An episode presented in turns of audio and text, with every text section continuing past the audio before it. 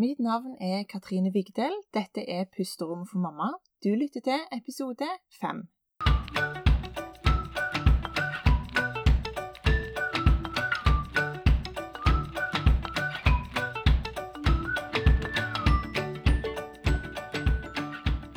Oi, nå er det lenge siden sist jeg spilte inn en episode.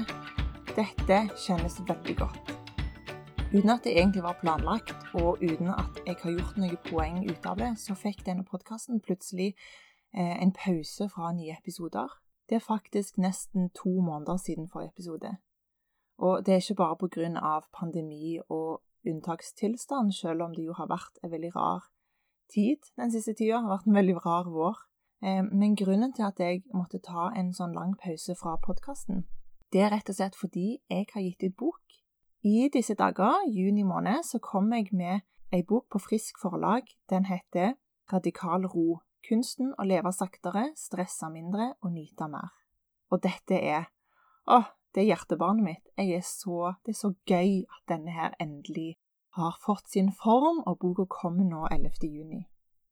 Jeg er faktisk litt usikker på hvor mye jeg har fortalt om dette bokprosjektet her på denne podkasten. Eh, men om du følger meg på Instagram, så har du kanskje fått det med deg der. Eh, eller om du kjenner meg in real life, eh, så vet du hvordan livet mitt har sett ut de siste to månedene. Jeg kommer nok til å fortelle mer om boka i neste episode, tenker jeg, og jeg kommer garantert til å ta utgangspunkt i mye av det jeg skriver om i boka i framtidige episoder her på podkasten framover for tematikken er veldig overlappende. Men jeg følte det var på sin plass å fortelle litt om det nå, før jeg gir deg episoden med dagens gjest, Gunnlaug Bø. Så lytt gjerne til neste episode, det er da episode seks, hvis du er nysgjerrig på denne boka som jeg har skrevet. Og jeg gleder meg til å fortelle mer, inkludert hva du som lytter kan være med på. Men først til denne episoden og samtalen min med Gunnlaug Bø. Gunnlaug er tobarnsmamma og lektor ved Tryggheim skole her i Sandnes, og hun er også bidragsyter til boka Elskede mamma, som kom ut på Lunde forlag høsten 2020. I den boka så skriver hun annet om mammakroppen, og det er et av temaene vi tar opp i denne episoden. Denne episoden den ble spilt inn faktisk ganske lenge siden. Så er det fire måneder siden jeg satt og snakket med Gunnlaug. Det er iallfall vel, det er veldig lenge siden. Ja, definitivt før korona. Eh, men det vi snakker om, er det er så tidløst, og det håper jeg dessverre. Eh, det er et viktig tema vi snakker om, og jeg kommer nok til å plukke opp igjen denne episoden senere òg, for vi begynte bare så vidt å snakke om et stort og viktig tema. Vi snakker om kroppsidealer og det å akseptere den kroppen en har som mamma. Dette er jo et, et stort tema med masse følelser og mye en kan si, så dette er altså ikke et sånn dypdykk eh, nødvendigvis, men det vi er opptatt av, og det som jeg tror ligger mellom linjene når meg og Gunnlaug snakker sammen, det er dette. At du som mamma, du kan være stolt av kroppen din. Den har båret fram barn. Den har gjort en fantastisk, enestående jobb. Det er kanskje ting du er misfornøyd med og vil endre på. Forandringer som er vanskelige å forsone seg med. Men her og nå så vil jeg at du skal vite to ting. Det ene er at du er ikke alene. Og det andre det er at du har all grunn til å være stolt. Kanskje du bare kjenner litt på det akkurat nå? Du har en kropp du kan være stolt av.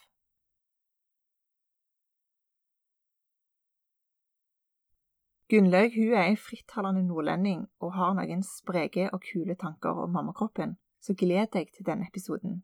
I tillegg så snakker vi om det å ha to tette barn. Det er ca. samme aldersspenn mellom mine barn og Gunnlaugs barn, 1920 måneder mellom nummer én og nummer to, Eh, og vi snakker litt om hvordan det er. Og du, jeg vil bare si, gi deg sjøl en pause mens du lytter til denne podkasten, hvis du kan.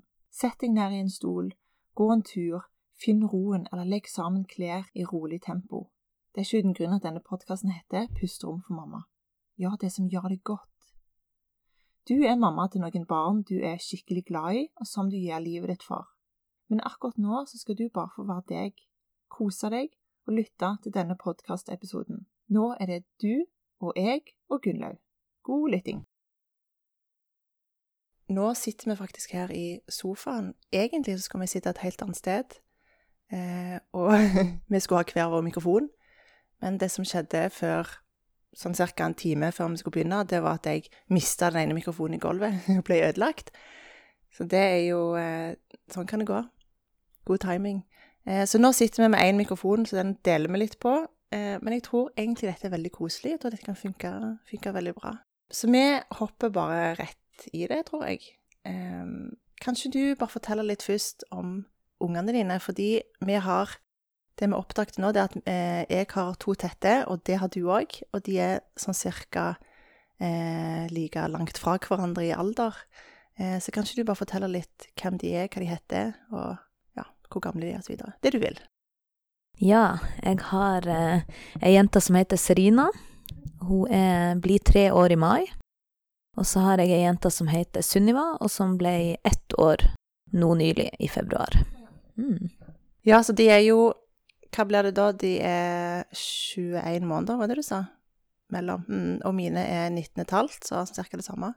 Og det, jeg syns jo det er veldig spennende, for jeg, jeg eh, kjenner ikke så mange nå som er akkurat der, som har to tette som er små. For det er mange som sier 'Å, datteren min og sønnen min på 23 og 24, der var det like stor aldersforskjell.' Men sant, det er mange år siden for de, så det, derfor er det gøy å snakke med noen som står midt oppi det nå. Og det er det kanskje noen av lytterne òg som, som, har den samme. Enten at de har to tette, eller at de har lyst til å ha to tette, eller tenker Guri land, det høres sykt dress ut. Så jeg eh, tenkte vi kunne bare prate litt om hvordan det er. Aller først, det som alle spør meg om, var det planlagt? Ja, det var faktisk eh, planlagt. Vi vi tror kanskje det var mange som ble litt sjokkert når vi fortalte at vi var gravid med nummer to, for vi hadde egentlig hatt et ganske strevsomt år med den første. Eh, med skriking og vanskelig mm. med leggerutiner og oppussingsprosjekt av hus. Eh, og på en måte så var det kanskje litt sånn destruktiv avgjørelse, på en måte at vi tenkte at ja, OK, vi, vi er i dette kaoset likevel. Og vi klarer på en måte å ha hodet over vannet, og vi vet ikke hva tid det blir bedre heller. Vi vet bare at vi vil ha flere unger, og da tenkte vi at vi kan like så godt hoppe i det. Og det har vi jo egentlig ikke angra på heller. Pluss at jeg har en bror som er 21 år yngre enn meg. Nei, 21 år. 21 måneder yngre enn meg. Eh, og har veldig god erfaring med det. Vi har hatt masse glede av hverandre i oppveksten. Og så jeg tenkte jo òg på en måte at det ville være en gave til hos Serina, da, sjøl om det selvfølgelig òg vil bli ei utfordring for henne å få et søsken så fort. Så det er jo både òg. Men uh, vi valgte å se på det positive med det nå. Hvordan eh, hun storesøstera, hvordan reagerte hun når eh, det plutselig kom en babyhus? For det er jo det, er det som kanskje er noe av utfordringen når det er veldig tette, det er at Eldre barn kan du jo forklare litt mer for å forberede, i forhold til en viss grad, men når de er så små, så er det vanskelig å forstå det helt før det plutselig er en baby i huset. Eh, og mamma er ikke like tilgjengelig som hun var for to dager siden. Hvordan, hvordan var det for dere? Ja, det blir jo litt så rart da når man får dem så tett, når den eldste enda ikke har eh, fullt utvikla språk, f.eks., mm. og ikke helt eh, forstår situasjonen. Og kanskje kunne det ha blitt en enda sterkere reaksjon hvis hun var eldre. For det gikk jo ikke så lang tid før hun sikkert hadde glemt tida før søstera kom.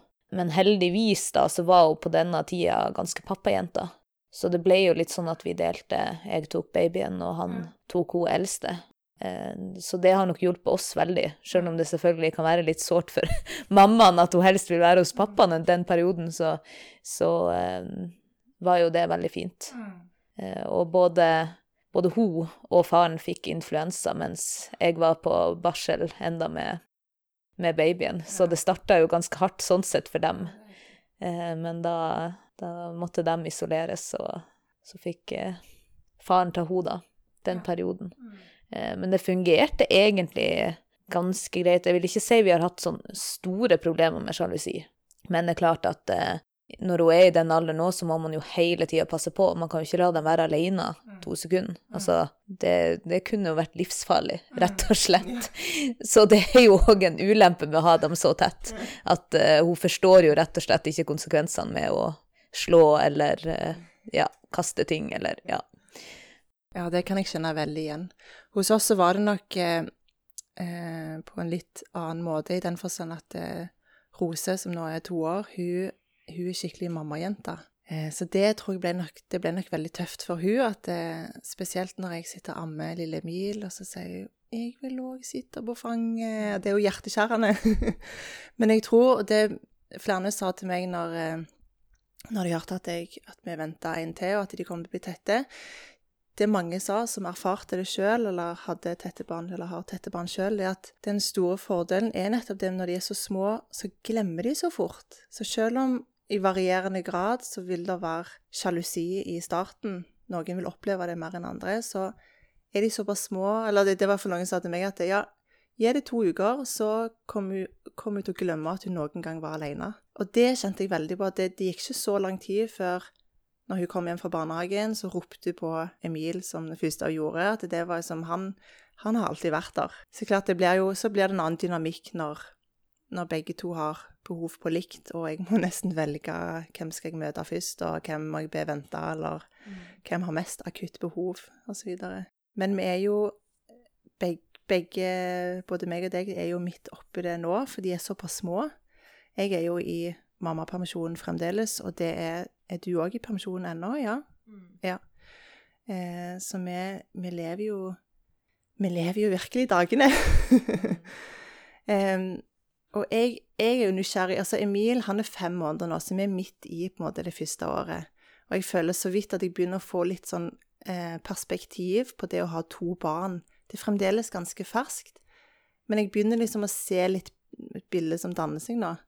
Um, så jeg har lyst til å høre litt med deg hvordan um, For dere har jo runda de første årene, stemmer det? Ja.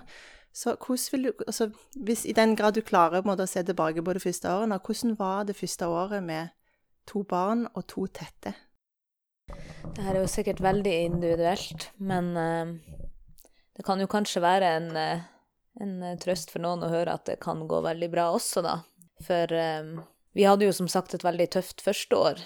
Og jeg har alltid hørt den der ene som én og to som ti.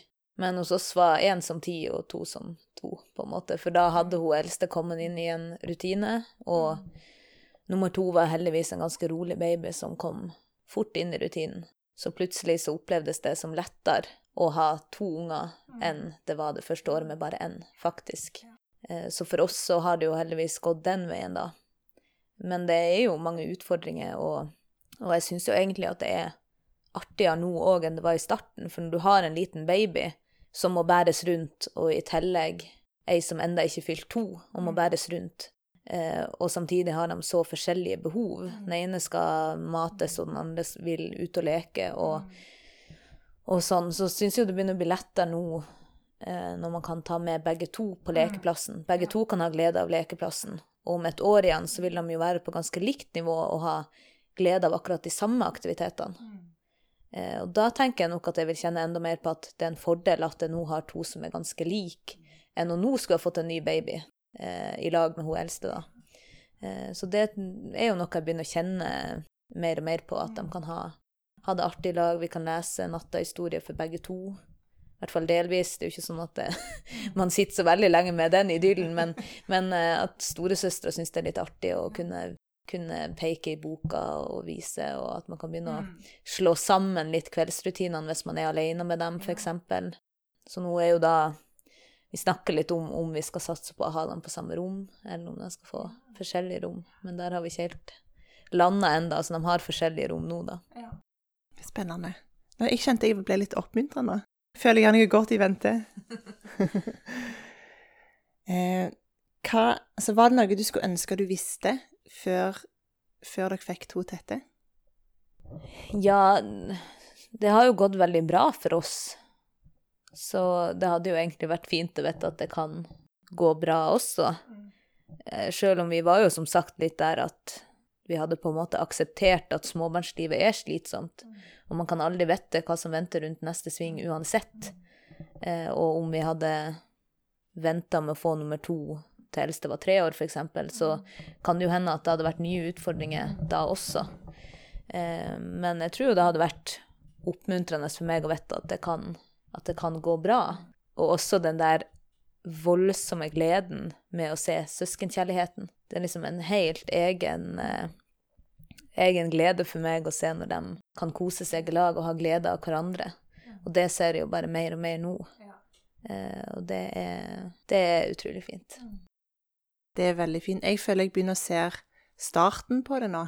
Eh, jeg ser jo på Emil, han lyser opp når Rose kommer inn i rommet, og det er så fascinerende, for jeg jeg plutrer og tøyser og tuller med Emil og skal få han til å le, og han ler litt, men det er ikke det mer sånn at han syns dette er gøy. Ja, nå er det gøy å være mamma.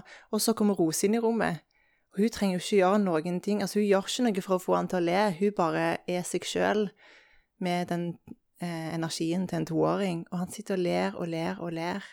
Og hun går liksom helt opp i fjeset på han når han sitter og hikster. Og, jo, og jeg ser på en måte at de, de begynner å få blikkontakt, eller de Altså han ser på hun, og hun merker at han følger med på henne, og da responderer hun altså på sitt, med sitt språk. Det er, jo, mm. det er, jo, en enkel kommunikasjon.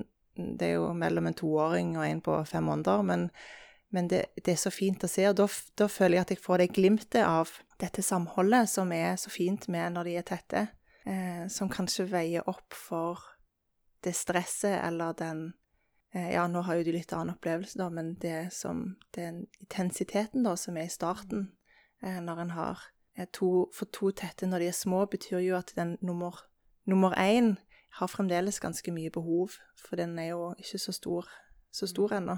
Så det er jo det er fordeler og ulemper med å ha to tette, kan vi egentlig si. For min del så var det jo absolutt planlagt. Eller det er litt både òg, for vi, det tok tre år før eldstejenta kom. Eh, så når vi visste at vi, vi ville ha flere barn, så tenkte vi at vi må bare sette i gang tidlig, for dette kan ta tid. og så gikk det jo med en gang. Så, så, for oss så var det litt sånn vi, vis, vi, visste jo at nå går vi inn i dette med åpent blikk og vet ikke hva tid det kan skje. Vi vet bare at vi vil ha et barn til. Så min, jeg husker min første reaksjon det var Begynte å telle, liksom. Første jeg gjorde når jeg skjønte at jeg var gravid, at jeg begynte å telle månedene. Mm. Hvor tette blir disse her? Men når jeg begynte liksom å dele, begynte å dele nyheten til folk, så er det jo Og det syns jeg er så fint, at det er, det er i hovedsak positive ting folk har å melde. Det fine med det veier opp for eh, stresset som det kanskje, kanskje kan være. Det er jo mange som opplever f.eks. at når de får nummer to, så har de ennå ikke klart å få gode leggerutiner med nummer én, og masse oppvåkninger på natta. Eh, så det å ha oppvåkninger med den ene ungen og en annen unge som er helt fersk i livet og har snudd opp ned på døgnet og vet ikke bak fram på seg sjøl og vil ha mat hele tida, og, og som mamma har nettopp født eh, Det er jo det er en heftig periode. Han skal ikke, skal ikke skimse av det. Jeg kan jo si, Nå høres det jo kanskje ut som at vi bare har idyll, men det er jo kanskje liksom fordi at man ser på det store bildet, og det første året var såpass hardt som det var. Men jeg kan bare si at eh, sånn som i natt, så første del av natta var jeg kanskje oppe med hun minste, eller var inne til hun minste fire ganger, og andre delen av natta måtte mannen min inn til den eldste i hvert fall to ganger. Sånn at eh, det er jo litt sånn eh, enda periodevis. Eh, og det er klart, det kunne det ha vært når hun eldste var eldre òg, men det er jo antageligvis mest når de er små. Og det er jo heller ikke bare enkelt når, når den eldste vil ha oppmerksomhet, og hun er liksom ennå ikke der at hun leker så mye for seg sjøl. Mm. Sånn at det er jo ikke sånn at man bare kan sette henne i gang med noe, og så følge opp ettåringen som skal øve på å gå, og mm. eh, du må passe på så hun ikke griper tak i ting, ikke sant. Mm. Men så eldste hun vil jo helst at jeg skal være der og leke i lag med henne, mm. følge henne opp mm. veldig tett. Mm. Eh, og det kan man jo kjenne seg ganske splitta på når man er alene med dem, mm. eh, og klare å gi begge to mm. like mye. Mm. Så da må man kanskje planlegge litt noen ganger hvordan man skal legge opp ettermiddagen. Ja, ja bare for å eh, runde av litt dette med å ha to tette. Har du, har du noen sånn konkrete råd å komme med? Kanskje spesielt den første tida, da. Mm. Er det noe sånn Har du har du noen sånn heads up som du kan gi til noen om hvordan den første tida er, utifra, selvfølgelig ut ifra din personlige erfaring? Det er jo, vanskelig å gi eh, for masse råd, men eh, det er jo godt å kunne være to når man er det, og kunne dele litt på ansvaret.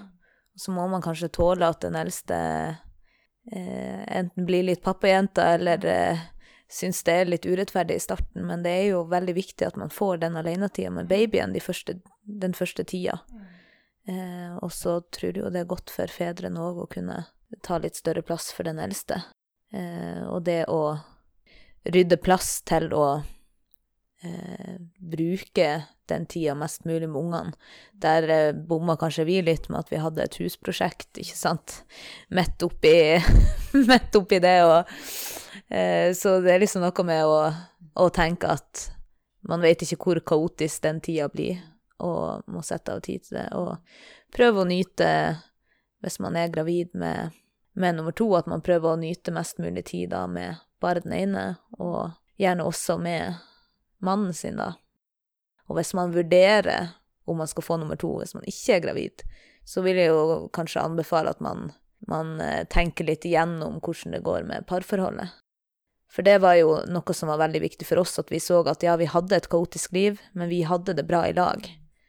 Og hadde vi ikke hatt det så bra i lag, så tror jeg nok vi heller skulle ha prioritert å, å ha det godt med hverandre. For det er klart det blir jo enda mindre tid når man da har to. Du, hva vil du si er det beste med å være mamma? Ja, det beste med å være mamma, eh, det må jo være relasjonen til ungene. og bli mm. kjent med de personene de er.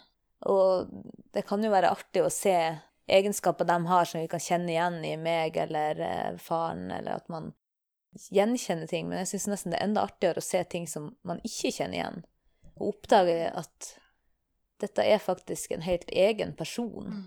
Det er ikke bare en blanding av oss, men det er en helt egen person med, med noen nye egenskaper òg, som er annerledes enn oss.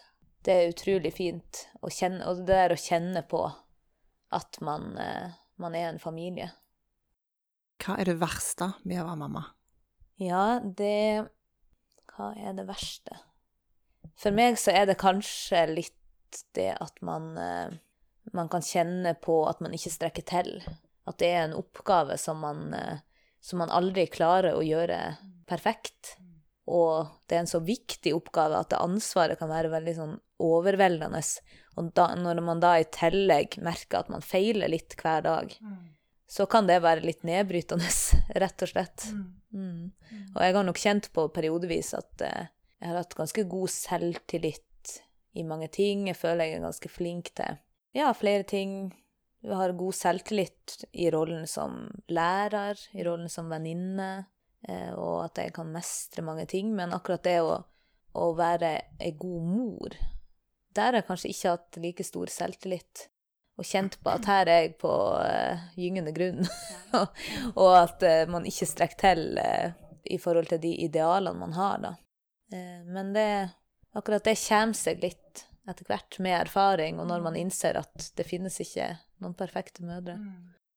Det er så interessant når jeg har snakket med andre mødre, som, altså snakket med kvinner som er mødre midt i denne fasen, spesielt nå, småbarnsfasen, så er det ofte det jeg hører, at en, en kjenner på en sånn utilstrekkelighet, at en ikke er god nok. Eh, og så lurer jeg litt på hvor, hvor kommer dette fra? Er det liksom at vi har Stiller vi for høye forventninger til oss sjøl hva vi kan få til? Har vi noen utenifra som forteller oss hvordan vi skal gjøre ting og ikke gjøre ting, og hva som er bra og dårlig, osv. For jeg, det bare slår meg at vi alle sammen stiller veldig høye krav til oss sjøl, og, og, konsekvensen er ikke at vi klapper oss sjøl på skuldra og sier 'wow, dette får jeg til'. Jeg er så flink mamma, jeg er så god, ungene mine har det fantastisk. Men at vi har, vi har så lett for å bare fokusere på det vi ikke får til. Mm. Eh, og at vi kjenner på en sånn litt sånn underliggende uro for gjør en nok?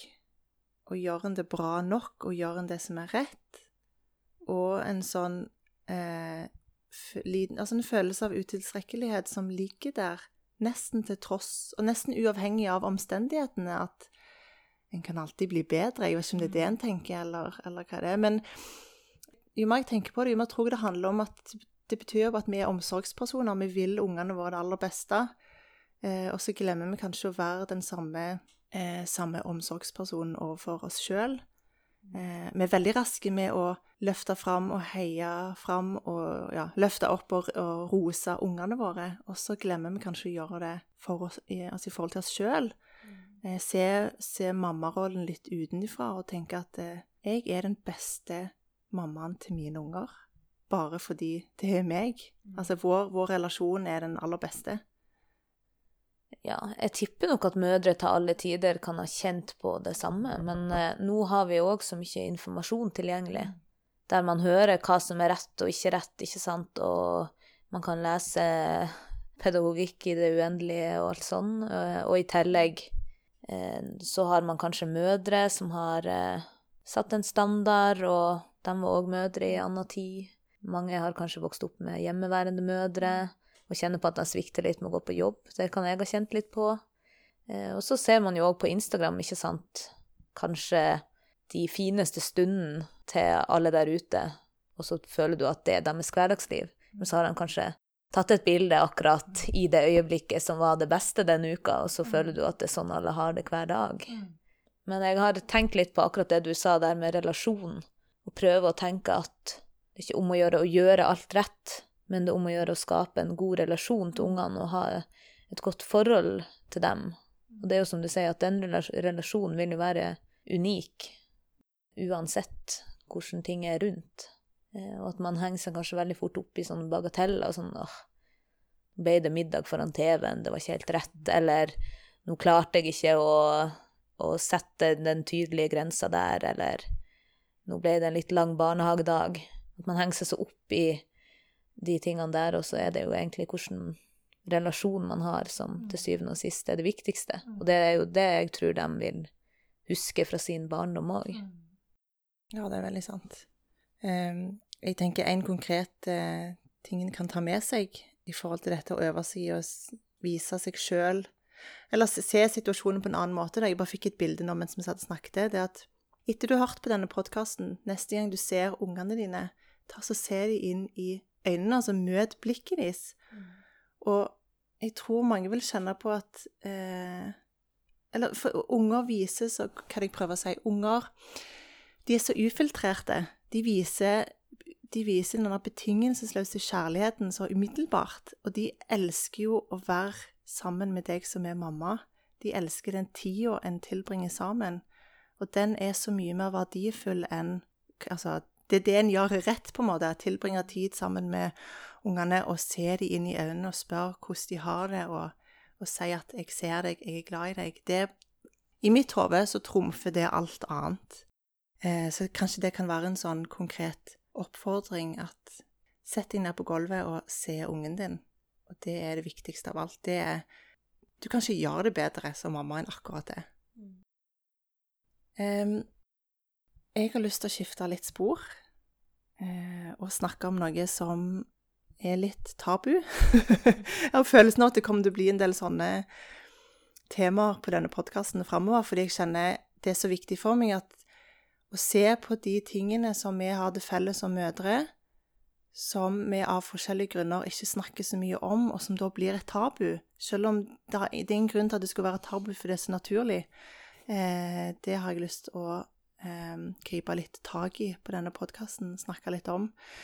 Eh, og det vi skal snakke om nå, det er rett og slett mammakroppen. Og det vet jeg at du, Gunnlaug, er opptatt av òg, eh, og har gjort deg en del tanker om akkurat det temaet. Eh, en ting som jeg, eh, når jeg forberedte meg til denne, til denne, samtalen her, så tenkte jeg litt på eh, dette med mammakroppen sånn rent visuelt. hva er det hvis en ser vekk fra sin egen mammakropp, hvor ofte den ser en mammakropp for det den er. Altså, da tenker jeg spesielt på i media, f.eks. Vi ser jo som regel bare de fine kroppene, enten det er reklamebilder eller samme hva det skal være. Det er det vi viser fram de beste sidene av oss sjøl, f.eks., og så skjuler vi det vi ikke er så fornøyd med. Og så er det nesten sånn Jeg husker det var noen, det er vel noen år siden, og så var det en sånn portrettserie. Jeg lurer på om det var i VG. Det kan være jeg sier det feil, men jeg skal finne skal finne hvor det var, for det ligger sikkert på nett ennå, og så linke til det. Eh, men der var det en fotograf som hadde tatt bilder av kvinnekroppen etter fødsel. Mm. Altså mammakroppen, rett og slett. Og jeg husker det var nesten sånn Det var nesten litt sånn sjokk, i positiv forstand, å se at wow, går det an å være så forskjellig? Altså, ingen er like. Og, og disse bildene var jo, det var jo tatt av en profesjonell fotograf, eh, så det var, det var veldig sånn estetisk vakre bilder. Og det ble For meg så det ble så sterkt, for det ble en sånn Du ser alle disse for å være altså Jeg håper ikke noen menn som hører på nå, men hvis du ser på alle disse puppene Hengepupper og eh, små pupper og store pupper og pupper som peker i alle retninger, og flatpupper og pupper som har blitt mer som svisker enn eh, meloner. Eh, og strekkmerker, ikke minst. Det som slo meg, det var at det er det som er den naturlige kroppen. Det er det som er normalen, nesten, da, i den grad en kan snakke om en normal etter en har født. Og allikevel så blir så har mammakroppen blitt et sånt tabu at det er så mange ting som ikke er fornøyd med. Så, så, og så syns jeg Det som jeg syns er interessant, er jeg har ikke, hvis jeg skal være helt ærlig, så har ikke jeg Jeg har ikke opplevd de voldsomt store forandringene på kroppen min etter at jeg fikk barn. Så jeg kjenner meg ikke igjen i den store forandringen som mange føler, men jeg vet at for mange så er det nesten sånn du opplever at kroppen din har blitt fremmed. Du kjenner ikke igjen din egen kropp. Hvordan var dette for deg? Jeg tror jeg kan si at jeg har hatt et ganske bra forhold til kroppen min um, hele livet, i den forstand at det ikke har vært noe som har hemma meg eller tynga meg ned på noen måte. Men man har jo i perioder av livet liksom tenkt at man kanskje skulle ha tatt av noen kilo, eller sammenligna seg med noen som man syns så bra ut, eller sånn. Men stort sett har det vært ja, et helt greit forhold. Og det føler jeg kanskje at det har vært etter jeg ble mamma òg. Men jeg husker jo at etter den første graviditeten spesielt, så var jeg litt sånn der Ja, nå er det liksom om å gjøre å, å få tilbake kroppen. Og det er jo det mange av venninnene mine òg snakker om etter de har født, at det er liksom om å gjøre å, å få tilbake kroppen, og da skal man liksom eh, tenke på hvordan man spiser, og hvordan man trener, og Ja, men jeg personlig så har jeg nok innsett litt at eh, det er ikke det som er viktig. Men jeg tror òg at jeg merker liksom når jeg sitter her, så blir man litt sånn OK, hvor, hvor, ærlig skal man være? For jeg ønsker jo egentlig ikke at folk skal være for opptatt av det. Men så må jeg jo ærlig innrømme òg at jeg tenker jo litt på det. Og det tror jeg kanskje alle gjør. Eh, at man eh, at man ønsker jo gjerne å gå tilbake til samme utgangspunkt som før man ble gravid. Altså, jeg har aldri hatt en flat mage, så jeg har heller aldri forventa å få det. Men man ønsker kanskje å, å, å gå tilbake til samme uh, utgangspunkt, og at det handler om trivselsvekt, og, ikke sant? og den kan være veldig forskjellig. Uh, og jeg husker jo, husker jo jeg og ei venninne som hun var gravid samtidig som jeg med første, og hun skulle liksom dele Hun hadde gått så mye opp i vekt, og så sa hun liksom et tall, da. Nå veide hun så masse. Og det var jo cirka det jeg hadde veid før jeg ble gravid, ikke sant. Så man skal jo være litt forsiktig med å snakke i hvert fall for detaljert om det. Men, men så valgte jeg å tenke sånn at OK, men hun hadde sitt utgangspunkt. Og for hun så var det ei stor forandring for hennes kropp. Eh, og at det, det er liksom ikke snakk om at alle nødvendigvis vil se ut som en fotomodell heller, sjøl om jeg tror dessverre det, det kan være dem man sammenligner seg med, da. Men jeg merka jo òg at at kanskje samfunnet rundt òg hadde påvirka meg mer enn jeg trodde. Fordi at etter jeg var gravid og var i gang med amming og sånn, så begynte jeg jo liksom å tenke OK, hvor, hvor mye hengepupper blir man å opp med? Og da må jeg faktisk ærlig si at, uh, at jeg faktisk en periode begynte å tenke litt sånn at ja, ja, men det er jo ikke krise hvis det blir for ille. For man kan jo gjøre noe med det. Og det er litt skremmende at den tanken kom så naturlig. Eh, men det er klart man leser om det overalt at, eh, at er det noe du er misfornøyd med, så kan du rette opp i det. Og jeg tror det blir mer og mer vanlig òg eh, at mødre eh, opererer seg for å, å, forbedre på den kroppen som ja, de har hatt. Og det er klart det er jo noen som, som kanskje får de her ekstreme, mer man kaller fødselsskader, ikke sant. Så det er jo forskjellig grad der òg, og det er jo òg et interessant spørsmål. Er det greit å operere kroppen hvis det har skjedd noe med den som, er, som, gjør at den ser veldig annerledes ut. Og Nei, jeg føler, jeg føler ikke jeg har noe fasitsvar her. Jeg bare føler det Ja, litt forskjellige tanker. Jeg tenker en, en viktig nyanseforskjell her er jo òg ønsken å gjøre endringer basert på utseende. Altså jeg ønsker å veie Jeg ønsker at det skal være et visst tall på vekta, eller jeg ønsker å se ut som den og den eh, kjendisen, eller samme hva det skal være. Eller handler det om helse? Eh, for du var jo litt inne på det òg. Jeg tror det ble jo ble kanskje noe annet når det er snakk om komplikasjoner etter fødsel. Altså for mange opplever jo altså forandringene med mammakroppen kan jo være ting som en etter hvert bare må lære seg å leve med. Eksempel hvordan puppene ser ut, eller det ekstra kiloene på magen, eller at magen er løsere enn den var. Altså det er ikke, du har ikke den stramme, flate magen som en kanskje hadde før. Mm. Men så er det jo Noen opplever jo eksempel veldig delte magemuskler, mm. som går utover hele kroppsholdningen, som forårsaker ryggsmerter osv. Da snakker en jo om, no om, noe helt annet igjen, for da handler det jo om eh, helsa. Eh, og det kjenner jeg iallfall personlig at jeg skulle ønske at vi var mer fokuserte på. Eller det kjenner jeg iallfall er viktig for meg, at når jeg tenker på min egen kropp etter at jeg ble mamma, den kroppen jeg har nå, da handler det mest om å holde meg frisk for ungene mine og for meg sjøl. Mm. Altså, jeg har lyst å være en mamma som har det godt i min egen kropp, som ikke går og kjenner på smerter, som kjenner at jeg har overskudd, mer enn hva jeg veier, eller hvordan huden min ser ut. Mm. Har du gjort deg noen tanker om det? Ja, jeg eh, har egentlig det, og det er jo det jeg prøver å fokusere mest på sjøl òg. Og jeg opplever kanskje at det går litt bedre i runde to. At akkurat det tallet på vekta er ikke så viktig lenger, men at jeg eh, prøver å ta vare på kroppen min.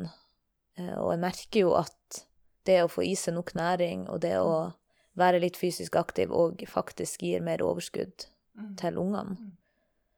Og jeg har jo òg oppdaga at flere damer i vår foreldregenerasjon sliter med ting som kunne vært unngått hvis de tok litt mer vare på seg sjøl.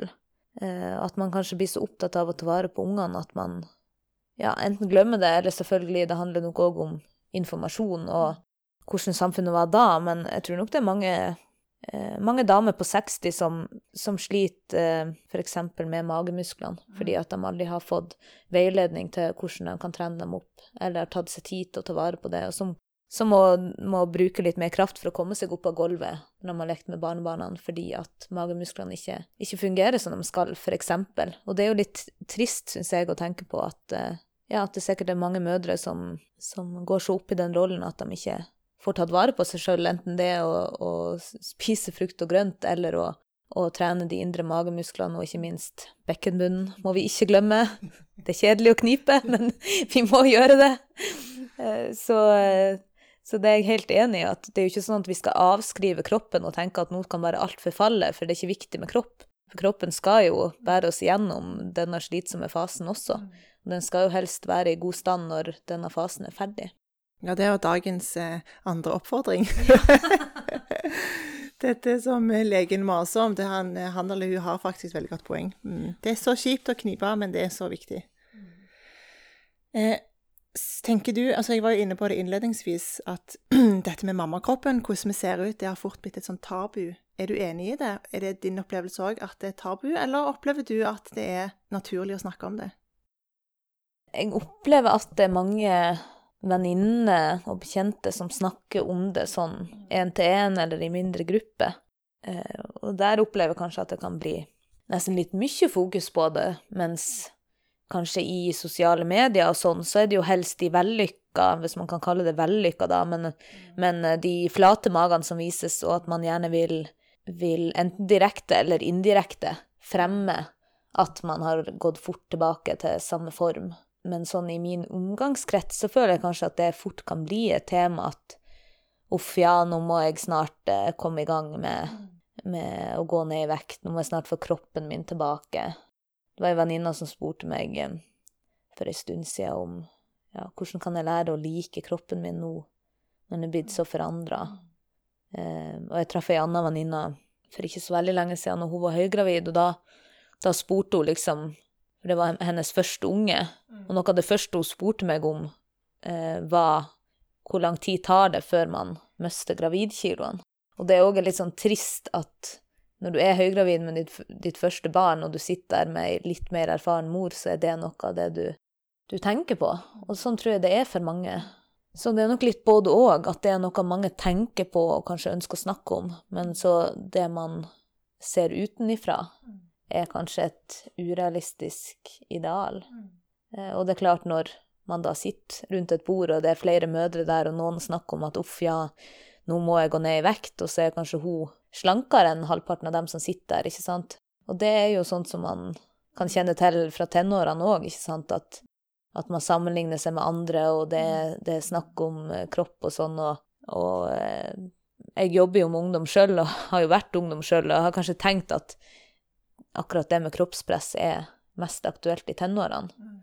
Og jeg er jo brent veldig for at ungdommene skal lære å akseptere kroppen sin og være fornøyd med den de er. Og nå merker jeg at jeg begynner mer å brenne for òg at mødre skal kunne akseptere kroppen sin. Ikke nødvendigvis elske den så veldig høyt. Det er jo noe som det snakkes mye om, at man skal elske kroppen sin. og Det er jo kjempebra hvis man klarer det, men, men, eh, men å i hvert fall kunne akseptere det og være, være fornøyd, det håper jeg at alle mødre kan være. Altså hvis en er der da, der en kjenner at Hvis en føler seg litt truffen da, og kjenner at ja, jeg har, jeg har eh, vært veldig Jeg har sagt mye negativt om min egen, min egen mammakropp. Jeg har tenkt mye negativt. Hvordan kan jeg se med et omsorgsfullt blikk på min egen kropp? Ja, det er jo et veldig godt spørsmål. Jeg skulle ønske at det fantes en sånn, en sånn oppskrift på det. Men jeg tror jo det er en veldig fin start å å starte med takknemlighet for det mm. kroppen har klart. Det er jo kanskje en sånn klisjé, men det er jo ganske fantastisk å tenke på hva kroppen har vært igjennom med graviditet og fødsel, og hva den har gitt deg i form av unger, og at på en måte de, enten det er løshud på magen eller strekkmerker eller hengepupper, så er det jo på en måte en slags form for arr etter både en fysisk kamp, men også et offer du har gjort for ungene dine. Eh, og at det er, det er damer der ute som skulle gitt ganske mye for å ha både strekkmerker og hengemage etter en graviditet, og som ikke får oppleve det.